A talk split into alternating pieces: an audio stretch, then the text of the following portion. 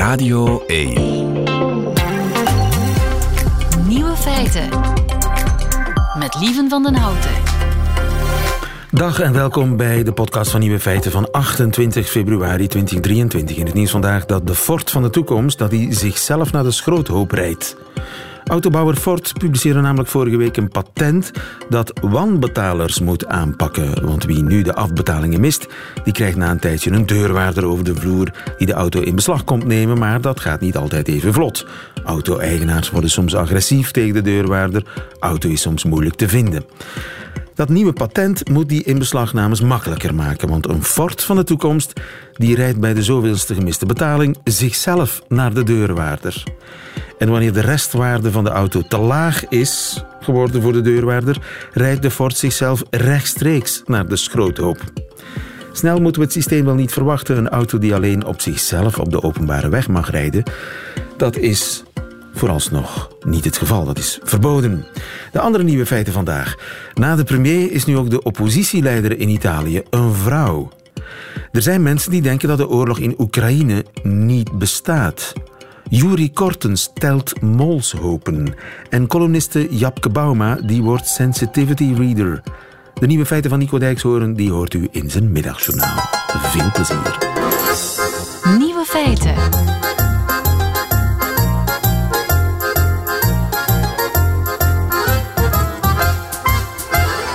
Zijn twee landen in Europa, bij mij weten, waar zowel de premier als de oppositieleider een vrouw is. Land 1 is, geen verrassing, Denemarken. Land 2 is wel een verrassing, Italië. Care tutte e cari tutti, ce l'abbiamo fatta. Ellie Schlein is de leider geworden van de Democratische Partij in Italië. Ine Rooks, goedemiddag. Goedemiddag. Die Ellie Schlein, jij bent onze correspondent uh, Italië natuurlijk. Uh, Ellie Schlein, de leider van de Democratische Partij, wie is zij? Ellie is uh, inderdaad, zoals je zegt, zondagavond op haar 37ste verkozen door de leden en de sympathisanten van de centrumlinkse Partito Democratico, de Democratische Partij hier in Italië, als hun nieuwe voorzitter.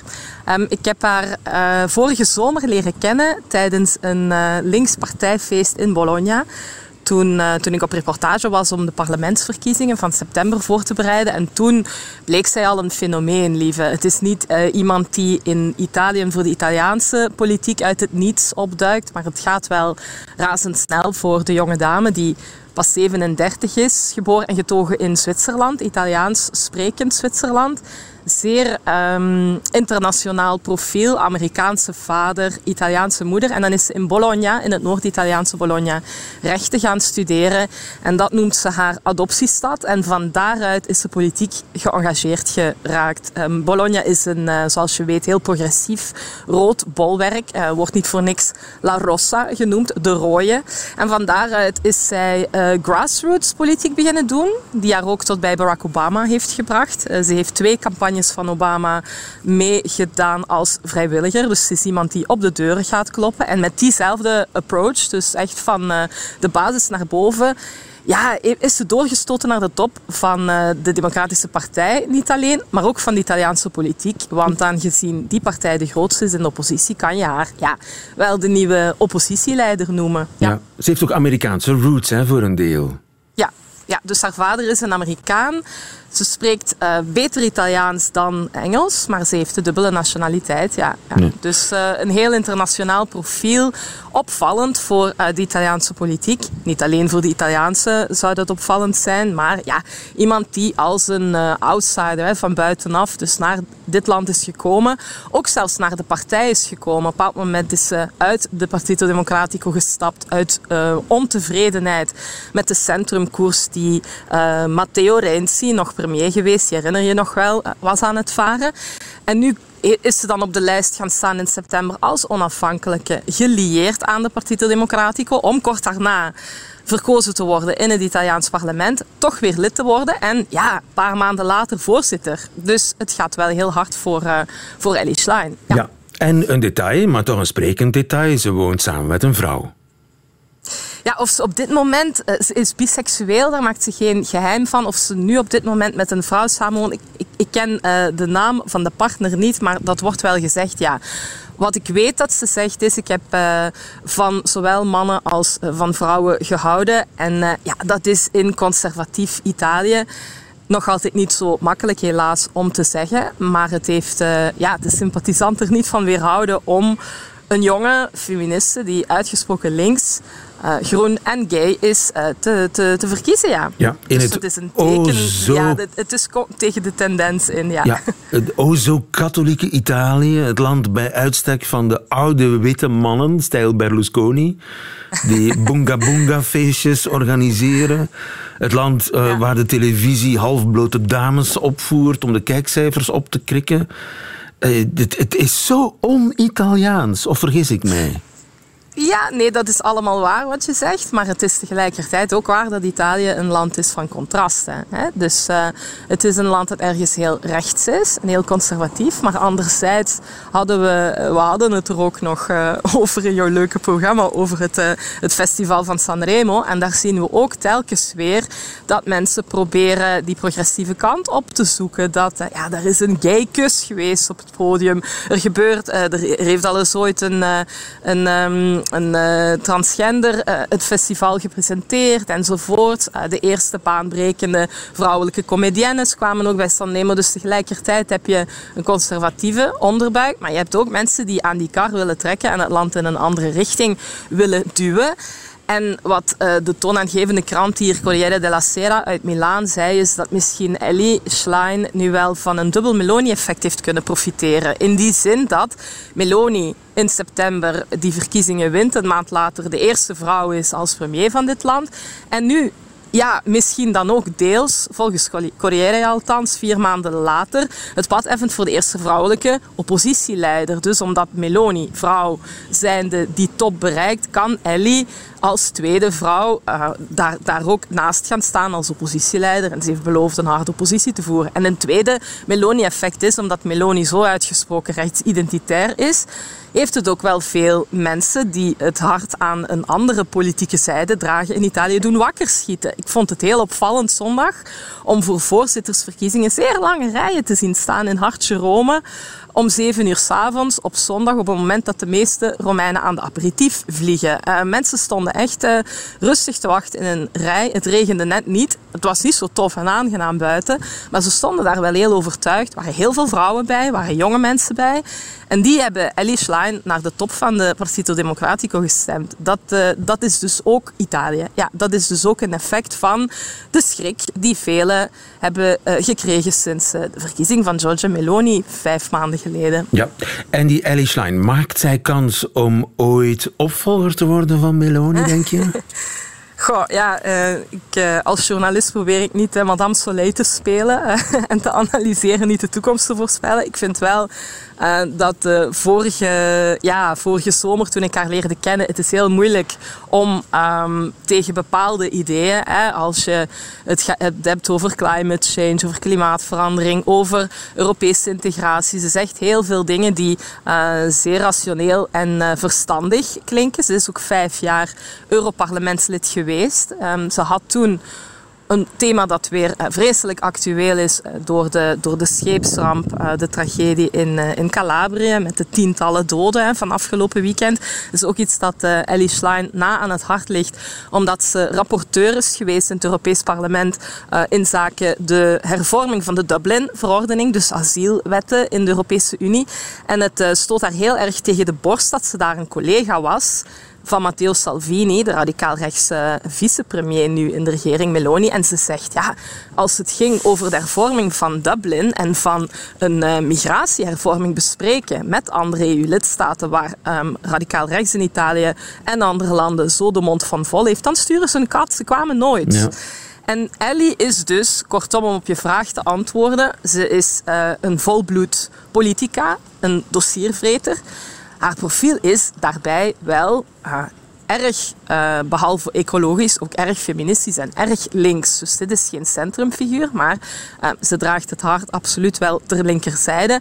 Dan hangt het er vanaf, lieve, houdt zij nu om premier te worden, moet ze ten eerste haar, eerste haar eigen partij weten te leiden en samen te houden. En ook die centrum, die gematigdere vleugel van de PD, van de Partito Democratico aan boord houden. Ze zegt zelf dat ze dat weet, ze kent dat risico. Um, dat daar bijvoorbeeld een splitsing zou kunnen komen, dat de mensen die centrumdemocraten zijn, met hoofdletter, en naar de partij zich zouden willen verenigen met andere centrumkrachten. Dat wil ze absoluut vermijden. Ze wil een brede volkspartij gaan leiden. Dat valt natuurlijk eerst te bezien of haar dat lukt. Of ze met vooroordelen zal gaan moeten afrekenen. Omdat ze toch ja, een jonge vrouw is in een mannenbastion.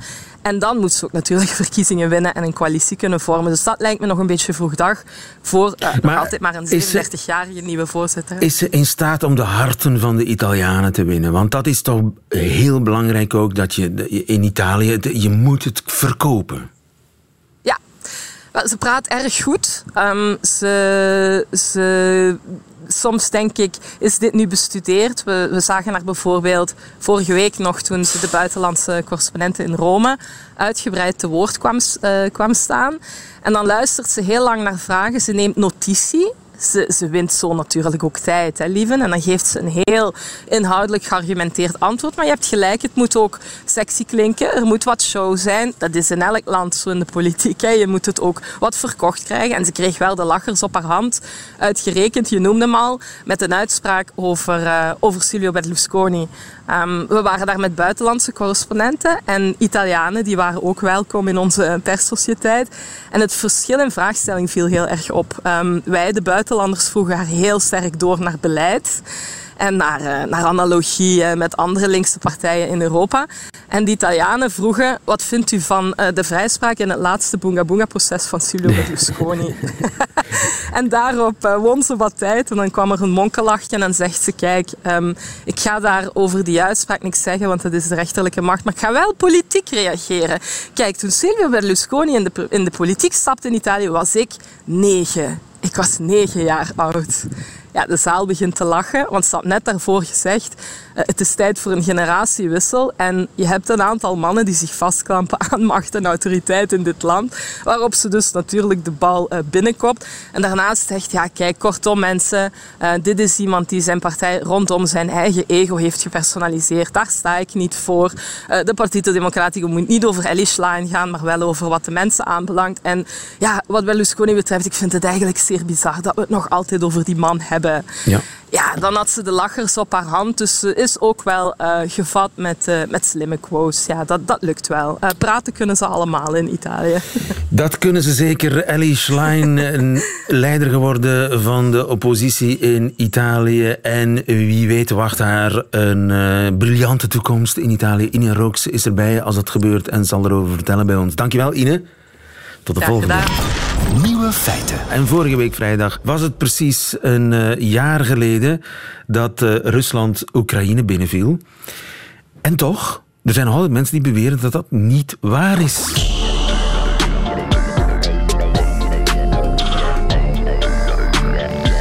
De nieuwe feitenchecker. Rien Emery, goedemiddag. Goedemiddag. Rien, ik zeg, mensen beweren dat dat niet waar is. Mensen beweren dat, dat die oorlog nep is. Ja, ze geloven niet dat er oorlog is. ja, het is, uh, het, is, het is te gek voor woorden eigenlijk, maar dus, ja, toevallig vorige week ook met de verjaardag van de Russische inval in Oekraïne verschenen er, vooral op Twitter trouwens, verschillende berichten van mensen die, ja, ik zie te weinig beelden van die oorlog. Ik geloof niet dat daar echt een oorlog aan de hand is. Ja, nee, het is allemaal een scam. Ze proberen ons gewoon eh, geld uit onze zakken te kloppen om naar Oekraïne te sturen. Dat is een beetje zo wat, wat er circuleerde. En, en niet zomaar kleine profielen, hè. mensen met honderdduizenden volgers, Honderd, tweets ja, en die miljoenen keer gezien zijn. Michael um, Flynn, ooit nationaal veiligheidsadviseur van Donald Trump. Ja, die had het ook gedeeld. En die is natuurlijk wel al iets langer van het padje. Maar uh, ook hij, dat is een ex-hoge uh, topmilitair. En ook hij geloofde niet dat er een oorlog is. Terwijl je natuurlijk, als je de juiste profielen volgt, op sociale media, zelfs je hoeft zelfs niet naar het nieuws te kijken, zie je niks anders dan beelden van de actie in Oekraïne. Ja. Uh, tanks die ontploffen, beelden met helmcams Juist, en, en. Wat mij dan verbaast is welke argumenten die, ja, zal ik maar zeggen, oorlogontkenners ja. toch nog weten te vinden. Wel, het is opvallend. Eentje was de, de, een dubbelganger van Zelensky zo gezegd. Er zijn een aantal foto's die circuleerden en daar is, zag je telkens enkele meters achter Zelensky een man lopen die een klein beetje op hem leek. En dat was zo gezegd een dubbelganger, dus die, met Zelensky was ook fake, of die bestond niet, of die was al dood. En er waren verschillende dubbelgangers. Allemaal narratieven die rondgingen, maar dat bleek dus gewoon uh, een zekere Maxim Donets te zijn, de, de lijfwacht van Zelensky, die niet eens op leek. Een ander ding is ja, een, een, kapot, een foto van een kapot flatgebouw uit, uit Kiev, dat uh, in februari 2022 kapotgeschoten was en nu volledig hersteld was. En dan beweren mensen van, ah, dat is onmogelijk, het is daar toch oorlog, je kan daar toch geen gebouwen herstellen. Maar natuurlijk, ja, sinds de mislukte aanval op de hoofdstad, ja, ligt de frontlijn in, in Oekraïne honderden kilometers naar het oosten. En in Kiev gaat het leven, voor, voor zover dat gaat, grotendeels door. Dus gebouwen worden hersteld. Mensen zitten ook in cafés koffies te drinken en zo. Want dat zijn ook vaak beelden die dan circuleren. Ja, ja zie je wel, ze, drinken koffie. Aan het eten. Ja, ze eten taart. Hoe kan het oorlog zijn? Ze eten taart. Voilà. Dus dat, dat is een beetje de, de misvatting ja. Oekraïne is een gigantisch land. Um, ja, en eigenlijk komt het allemaal voort uit één iets, iets dieper liggends. Namelijk... Ja. Rusland. Ik, nee, het zijn niet de Russen, want de Russen erkennen dat er een, oh, ze noemen het geen oorlog, maar een speciale militaire operatie. Uh, nee, het is iets dieper liggends, namelijk ik zit hier elke week te zeggen van of iets echt of fake is. Hè? En vaak is het iets dat fake is, waarvan ik moet zeggen van ja, geloof het dus niet, het is nep, eh, niet, niet intrappen. Het probleem is dat er nu zoveel technieken bestaan om dingen te faken. Gaande van Photoshop naar beelden uit een context trekken, naar zelfs artificiële intelligentie de laatste tijd, ook met beeld, met geluid. Er zijn zoveel manieren om dingen in scène te zetten uh, of te vervalsen, dat mensen beginnen geloven over dingen die 100% echt zijn, dat ze in scène gezet zijn of fake zijn. Ja. En dat is het grote gevaar eigenlijk altijd geweest van desinformatie, zoals we dat noemen. Niet elk klein, verschillend, apart onderwerpje van, waarvan je je moet afvragen van is het nu wel echt of niet, maar dat mensen gewoon in een algemene sfeer komen van alles is fake, ik geloof niks meer, ik ga sceptisch zijn en ik ga niets meer geloven en niets meer vertrouwen, terwijl je natuurlijk wel degelijk nog kan vertrouwen op betrouwbare bronnen die met nieuws komen en met feiten en met beelden die echt zijn. VRT Nieuws bijvoorbeeld. VRT Nieuws of ja, natuurlijk, of Radio 1, ik zeg maar iets. Radio 1, nieuwe feiten bijvoorbeeld. bijvoorbeeld. Maar goed, dat er zelfs mensen twijfelen aan de oorlog in uh, Oekraïne, dat is toch wel verbijsterend. Verbijsterend en ook weer niet. Dat is ook de bedoeling gewoon van, van het, het, het uh, blijven verspreiden van leugens is de bedoeling om mensen in een mentale staat te krijgen waarbij ze niets meer geloven. Corona was nep, de oorlog, de oorlog in Oekraïne is nep, uh, klimaatverandering is nep, alles is nep. Dat is, dan de, dat, is, dat is het doel dat men daarmee wil bereiken. Ja, het doel en, en met welk voordeel? Hè? Als het niet de Russen zijn die erachter zitten, wie zit daar dan wel achter?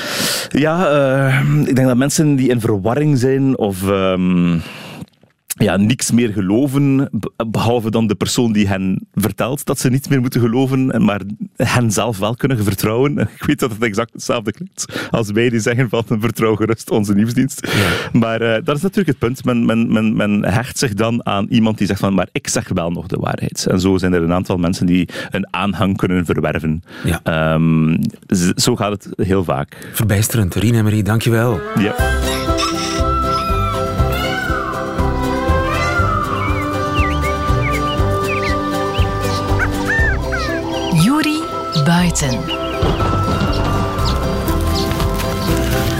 Met Juri Kortens. IJskoud is het. Uh, winterlente zeggen ze, of lente-winter in Zweden voor, voor, deze periode van het jaar. Zoals het nog heel erg koud is, maar toch, nog, uh, toch al zonnig en licht. Uh, maar ondanks die, die ijzige temperatuur hebben we Juri Kortens op pad gestuurd. Juri, goedemiddag. Ja, Goedemiddag. En je zou er misschien van schrikken, maar hier op dit plekje uit de wind en uh, zuidgericht langs een houtkant is het echt super aangenaam. Wat ben je aan het doen, Juri? Ja, ik ben molshopen aan het tellen. Molshopen aan het tellen? Mollen? Ja, ja, daar wou ik het over hebben. Zijn ze heel actief tegenwoordig? Ja, het is het moment. Eh, de mollen die zijn, eh, die zijn heel actief om verschillende redenen. Um, op dit moment zitten ze redelijk hoog in, uh, of in de grond. Hè. Dus het is, het, is, het is te vochtig overal. Dus uh, je hebt grondwater dat redelijk hoog staat. Dus de mollen zitten in de bovenste regionen van de aarde. En ze zijn daar ook hun, uh, hun gangen aan het, aan het schoonmaken. En dan krijg je dus die extra molshopen overal. Want eigenlijk is dat gewoon een beetje overtollige aarde die ze naar buiten willen werken. Um, en ja, een tweede reden is eigenlijk ook omdat het gewoon de, de, de actiefste periode is voor de mollen, omdat de paartijd is aangebroken. Aha, en dan, eh, ja, dan zijn ze natuurlijk extra actief. De mollen zijn op het liefdespad. Ja, ja, ja, ja. En de hopen op zich hebben daar weinig mee te maken. Eh, wat je eigenlijk moet weten is dat ik tel geen individuele hopen, maar clusters. Eh, want ja, mollen die zijn strikt territoriaal. Dus al die hopen die je in je tuin ziet, die zijn meestal gemaakt van maar één of door maar één mol. Eh, die kunnen honderden meters gangen maken. Eh, maar tussen die clusters maken ze dan heel oppervlakkige gangetjes. Die heten mollenritten of bronstgangen. En da, zo gaan ze van de ene locatie naar de andere seksgang. zoek Gewoon. Ja, ja, Een mol ja. graaft een seksgang. maar ja. Van, de, e- van, van zijn terrein naar dat van... En hoe weet hij dat te vinden? Ja, er is eigenlijk, hoe dat ze dat allemaal weten, er zijn, er zijn zoveel ondergrondse gangen, wij weten daar het fijne niet van. Eh, als je daar eens een soort van eh, scan van maakt, we hebben dat ooit eens gedaan met zo'n een, een bodemscanner, dat is echt ongelooflijk. Dat is een soort van gatenkaas van allemaal gangen. Eh, en er wordt sowieso ook met geuren gecommuniceerd. Dus zij, zij kunnen wel iets te weten komen van wie er in de buurt zit en dan gaan ze daar naartoe. Als ze zin heeft, ja, dan heeft hij wat geluk, dan wordt er gepaard, maar hij mag niet blijven slapen. Hij moet dan meteen terug naar huis, Alright. want eh, mollen zijn zeer territoriaal en zij, zij zijn helemaal niet gesteld op eh, gezelschap of op bezoek. Zeg, En als het nu eh, een, een meneer blijkt te zijn... Als meneer de Mol aankomt in het territorium van de Ja, buur... dan is het zo snel mogelijk rechtsomkeer maken. En gelukkig kunnen mollen dat nogal, want zij kunnen achterwaartse salto's doen in hun gangen, om op die manier zich heel snel terug uit de voeten te maken. Hè. Zijn, eh, Een ja, mol maakt een achterwaartse salto in zijn gang. Ja, ja, achterwaarts om terug te keren. Eh, en ze kunnen ook supersnel achteruit gaan. Hè. De achteruit eh, die is bijna zo snel als de vooruit. Dus ze kunnen, eh, Wauw. ja, ze, ze kunnen zich heel snel uit de voeten maken. En als ik nu eens een heel brutale vraag mag stellen, maar ik, wat, wat is het verschil tussen meneer de Mol en mevrouw de Mol? Wel, dat is heel moeilijk te zien. Ik, ik zou het zelf eigenlijk ook niet zomaar kunnen zien. En dat heeft twee redenen. Eh, ten eerste omdat de clitoris van het vrouwtje bijna even groot is als de penis van het mannetje. Dus als je daar een verdikking ziet, dan weet je niet of het nu het een of het andere is. En dan denk je bij vrouwtjes, ah ja, misschien hebben vrouwtjes daar dan een opening. Maar die opening, die vagina, die ontstaat eigenlijk alleen maar in de voortplantingsperiode. Voor de rest is dat een inwendige eh, holte, eh, maar is dat niet naar buiten toe open. Dus alleen maar in die voortplantingsperiode krijgen zij dan die, eh, die opening. Dus, is heel Dus de deur staat open. Nu. Ja, ja, ja, op dit moment staat de deur open. En wat ook nog super bijzonder is, is dat die vrouwtjes eigenlijk ook nog eh, testikelweefsel aanmaken. Dus daar kan je het ook niet meteen aan zien. Eh, ze produceren daar geen zaadcellen in, maar wel testosteron. Eh, en die testosteron die, eh, die gebruiken zij dan ja, om extra krachten op te doen, om extra krachten te kunnen gebruiken om te graven. En ook dat agressieve dat daarin zit, dat territoriale, Ja, ja. dat komt ook door die hele hoge testosterongehaltes. Het zijn eigenlijk agressieve beestjes. Ja, ja, ja, best wel hoor. Dus eh, een mol, eh, iemand die die ooit al eens levend gevangen heeft, zal dat meteen beamen. Eh, die kunnen serieus uithalen. Hebben ook vlijmscherpe tandjes, eh, waar ze normaal gezien eh, regenwormen mee, eh, mee aanvallen. Maar ja, ze kunnen ook wel een, eh, een heel lastige beet geven die nogal snel infecteert. Dus Ah. als je een levende mol vangt, doe het dan toch maar met handschoenen. En behalve regenwormen, wat eten ze nog? Wel, allerlei dingen die ze onder, onder de grond vinden. En dat zijn dan ja, allemaal larven van kevers, van eh, langpootmuggen of van kniptorren. Dat zijn eh, larven die onder de grond zitten en aan wortels knagen. Wortels van grassen, van allerlei Ah. soorten planten. Dus ze zijn heel nuttig, kan je dan wel zeggen, op die manier. Want ze gaan gazons eh, niet helemaal vrijhouden van dat soort van eh ongedierte, als ik die term eens mag gebruiken. Maar ze gaan er toch best wel veel van opeten. Ja. Alleen moeten we natuurlijk die molshopen voor lief nemen. Ja, die, die neem je dan maar voor lief. Uh, het, is, het, zijn, het is met periodes. Dus nu op dit moment komen er veel molsopen. En we zien ze ook omdat het gras zo laag staat. Ja. Uh, je kan ze makkelijk gewoon uit elkaar harken. En dan heb je daar eigenlijk na een tijdje ook geen last meer van. Dat gaat helemaal terug, uh, terug dichtgroeien, heel die, ja. die omgeving. En de en mol heeft daar geen last van, want voor hem is het eigenlijk gewoon een afvalberg. Nee, het is gewoon afval, dat is, dat is makkelijk, makkelijk zat. Bouwafval. Nu, ja, ja, ja, ja. Nu, die en, molsoop... En, dienen die, die molsopen, dienen die ergens anders voor? Ik bedoel, zijn er dieren die daar dan weer van profiteren? Ja, dat is het leuke daaraan. Hè. Dus, dus uh, die molshopen die worden gebruikt onder andere door vossen uh, om hun, hun territorium te markeren. Uh, dus dan kom je langs een, een molshoop en dan ligt daar heel prominent een vossenkeutel bovenop. Uh, waarmee dat hij wil zeggen, kijk, dit is de grens van mijn territorium. En waarschijnlijk zijn er nog heel wat andere dingen die ze daarmee kunnen vertellen met die geuren dat er ze worden, ze worden gebruikt om een vlag op te planten, als het ware. Ja, ja, ja men noemt dat ook een geurvlag. Hè? Dus dat is effectief een vlaggetje. En dan zijn er ook nog andere dieren die die molsopen gebruiken om op te warmen.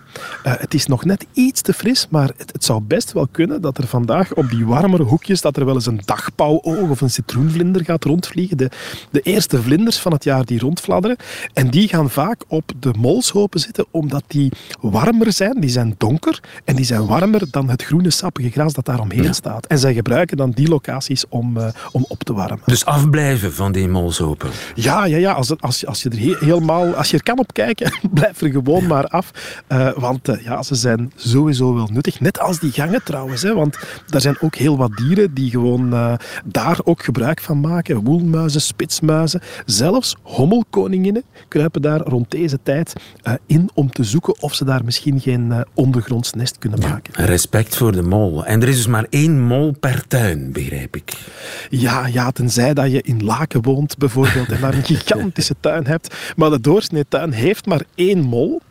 Nu, ik hoor soms zeggen van mensen, we hebben een mol gevangen en, en een paar uur later weer een nieuwe.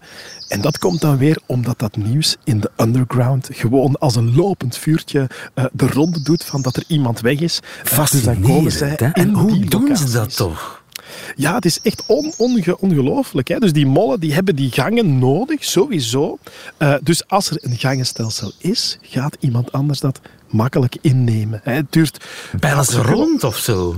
Dit is op uh, internet. Rond, ja, ik weet, een mollennet, ja, wie weet. Uh, nee, vooral dat, dat netwerk onder de grond. Ze hebben dat nodig omdat de regenwormen, uh, als je al gravend op zoek moet gaan naar een regenworm, dan gebruik je zoveel energie tot je er eentje tegenkomt, uh, dat je dat eigenlijk niet kan, ja, niet kan terugwinnen door die op te eten. Dus ze hebben een netwerk en zij lopen daar om de paar uur gewoon eens door ja. om te zien of er een regenworm ligt of een andere larve. En dan eten ze die op. Dus dan moeten ze niet meer verder Eens dat netwerk uh, gevestigd is, dan, uh, dan hebben ze een soort van vangnet. Ja, ik heb je gestoord terwijl je aan het tellen was. Hoe zit het? Zijn er veel dit jaar?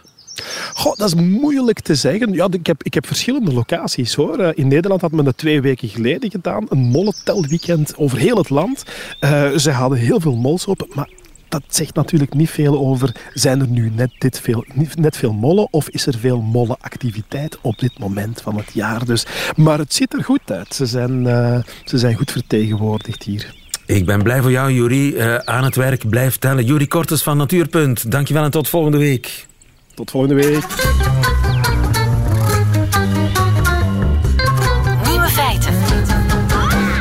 En over nieuwe feiten gesproken, Japke Bauma die cancelt zichzelf. Goedemiddag Japke. Ja, hallo lieve. Columnist bij NRC schrijft graag en vaak over taal. Een graag gehoorde gast in Nieuwe Feiten. Je zou deze week een column schrijven over afknappers op datingprofielen. Maar dat ging mis. Wat is er gebeurd? Ja, nou, dat, uh, dat, dat, dat, dat kwetst gewoon te veel mensen, lieve. Hè? Dus ik heb er eens even over nagedacht. En uh, dat, ik moet wel zeggen, dat de aanleiding was, daarvoor was de Roald Dahl Gate. Hè? Dus um, het verschijnsel dat de uitgever van Roald Dahl eigenlijk alle boeken van de Britse schrijver, of de, de kinderboeken, heeft uh, gecensureerd. Uh, omdat, ja, omdat ze toch wel heel erg kwetsend en verontrustend zijn hè, voor, de, voor de tere Juist, kinderzieltjes. Ja, dik wordt enorm en heks wordt fakes. Ja, ja.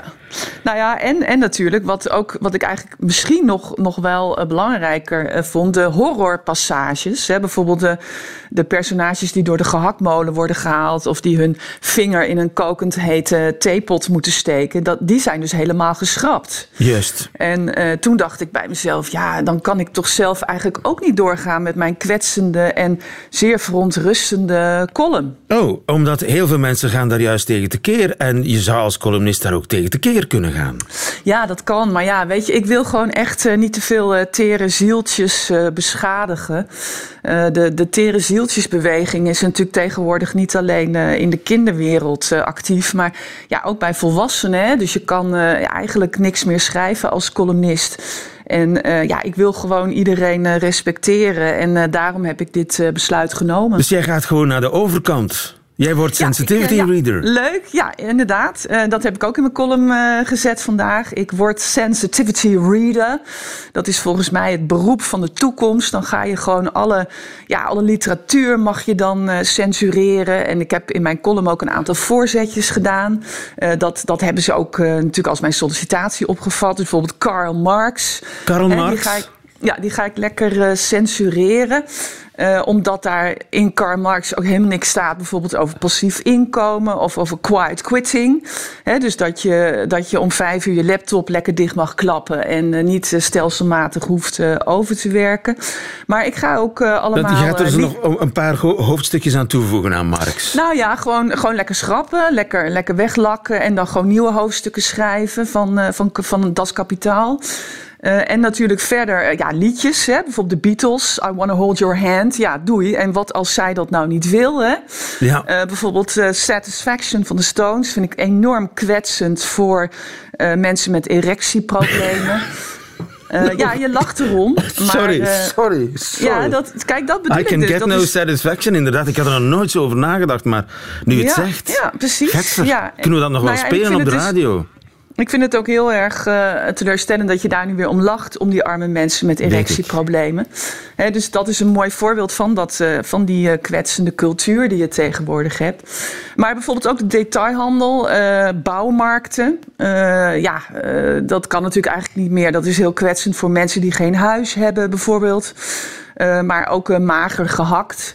Ja, dan voel, dan voel ik mij als magere vrouw uh, echt enorm, ja, enorm veel geshamed. light beer. Ja. Hè, alsof, het, alsof, het, alsof de duisternis niet meer zou mogen bestaan. Light nou, ja, beer. dus ja, dus ik krijg het eigenlijk heel, heel druk. En Netflix die heeft mij daar nu voor, voor aangenomen. Ja, want neem Pulp Fiction. Ja, met die biljartbal. Ja. Ik bedoel, ja, dat is toch echt niet chill. Of, uh, of The Sound of Music, hè? al die tata's op een uh, nazi-berg. Nee, kan hè? niet dus, meer. Uh, nee, dat kan allemaal echt niet meer. Dus nou ja, daar ga ik gewoon lekker en mee aan de, de slag. Dik, de dikke en de dunne. ja, daar, daar zou ik ook veel liever gewoon wat, ja, wat, wat gezonder verantwoorde postuur. He, dus niet meer dat dik, wat je sowieso natuurlijk ook niet mag zeggen. Maar uh, ja, dat, uh, dat, dat zou ik. En ook wat minder agressie naar elkaar. Hè. Wat, wat zijn die dikke en die dunne nou eigenlijk uh, elkaar het leven aan het zuur maken? Super ja, kwetsend ook in hun vriendschap. He, dus daar, daar gaan, we ook, ja. gaan we ook een lekkere, lekkere streep doorheen zetten. En het televisiejournaal, kan het televisiejournaal een sensitivity reader gebruiken? Ja, bijvoorbeeld uh, al die beelden van de oorlog, uh, van uh, aardbeving. Ja, dat over horrorbeelden gesproken. Als je, als je Roald Dahl al te horrorachtig vindt, ja, dan moet je natuurlijk ook gewoon je journaalbeelden op dat vlak gaan cancelen. Ja, het woord alleen al, hè, oorlog. Oorlog, ja, dat, dat zou ik eerder ja, een militaire operatie noemen. ja, en ironie, kan ironie nog? Hé, gatsie, nou begin je over ironie. Nou hadden we net zo'n uh, serieus gesprek, lieve. Want ja, je weet nooit wat iemand precies bedoelt, hè? Dat is toch nee. verwarrend? Ja, dat, dat, dat is ook echt het eerste. Nou, misschien nog wel hè, boven al die dingen die ik net noemde. Uh, het nog belangrijker om mee op te houden. En dat is natuurlijk uh, ironie. Uh, want ja, ironie, daardoor moet je als lezer, als luisteraar, als mediaconsument zelf gaan nadenken wat je ergens eh, mee wil. Hè? En je weet ook nooit precies wat iemand bedoelt als zij of hij of, of hen ironie gebruikt. Je kunt nooit iemand daarop afrekenen. Um, en door de ironie wordt alles zo onduidelijk. Hè? Zoals eigenlijk het hele leven een grote ongrijpbare massa onverwachtheden, boosaardigheden, onzekerheden is die je zelf moet uitvogelen. Ja, dat kan niet. He, dus, dus die ironie is, is eigenlijk de, de, de angel van, eh, van alle ellende. En nou ja, goed, het is ook heel goed uh, dus dat ik daar nu eindelijk uh, mee op ga houden. Ironicide ga jij gebruiken. Schitterend woord. Een ironicide. Ja, wat mooi. Ja. Dank je. Misschien kom je toch nog weer terug bij je oude stek taalcolumn schrijven, als ik het zo hoor. Maar voorlopig nou, ben je dus sensitivity reader. Ik wens je heel veel succes, Japke Bauma. Dank je wel, lieve. Et voilà, dat waren ze, de nieuwe feiten van 28 februari 2023. Alleen nog die van Nico Dijkshoorn. Die zit er nu klaar voor in zijn middagjournaal. Nieuwe feiten. Middagjournaal.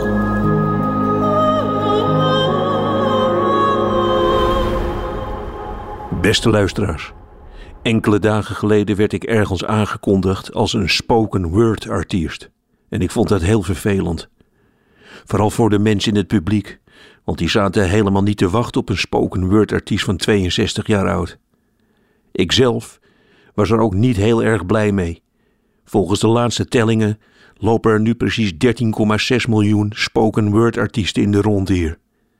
Het is ook niet heel moeilijk. Je zet wat woorden achter elkaar en je beweegt heel veel met je armen en je handen. Wat ook erg helpt, is over het podium lopen en een bepaalde zin dan steeds terug laten komen. Dan denken de mensen in de zaal al snel: kijk aan, meneer of mevrouw is een spoken word artiest. Ik wilde al die mensen in de zaal natuurlijk niet teleurstellen. En ik heb toen maar gewoon een stukje spoken word geïmproviseerd. Wat wel handig is. Je hoeft helemaal niks van papier te lezen of uit een boek. Je mag als spoken word artiest alles gewoon uit je hoofd doen. Het moet wel klinken alsof je het ter plekke verzint, wat in de meeste gevallen ook gewoon klopt. En oh ja, luisteraars, wat ook heel belangrijk is, je moet een beetje dwingend praten, alsof je altijd voor iets opkomt. En daar is wel een handige truc voor. Denk tijdens het spoken worden steeds aan een stervende zeehond die door onze gaswinning steeds minder ozon in zijn lichaam krijgt, of zoiets. Luisteraars, ik heb daar op dat podium ongeveer het volgende gezegd met heel veel gezwaai van mijn armen erbij. Ochtend, avond, het maakt niet uit, want de mens zit in jou, niet in mij, maar in jou met dat lichaam van je, waar zoveel liefde in zit, dat je de maan kunt horen grommen als een hond, als een hond, ja, als een hond van je oma, die niet meer leeft, omdat ze dood is. Maar wat is dood en wat is levend? Het is maar hoe je het bekijkt, met je ogen, ja, met die ogen van je, met je ogen, kijk, kijk, kijk je de mensen in hun rug die allemaal bezig zijn met later en later en nooit nu, kaasfondue, vleesfondue, vette jus. Er werd geapplaudiseerd, luisteraars, omdat ik de laatste drie woorden op elkaar had laten rijmen. Dat was precies het moment waarop ik besloot gewoon voor altijd een zonderlinge dichter en schrijver te blijven. Kijven, opstijven, rare wijven. Sorry luisteraars, dat glipte er even tussendoor.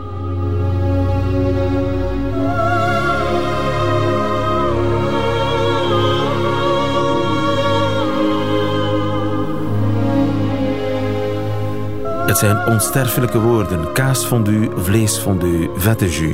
Woorden van Nico Dijkshoorn in zijn middagjournaal. Einde van deze podcast van Nieuwe Feiten.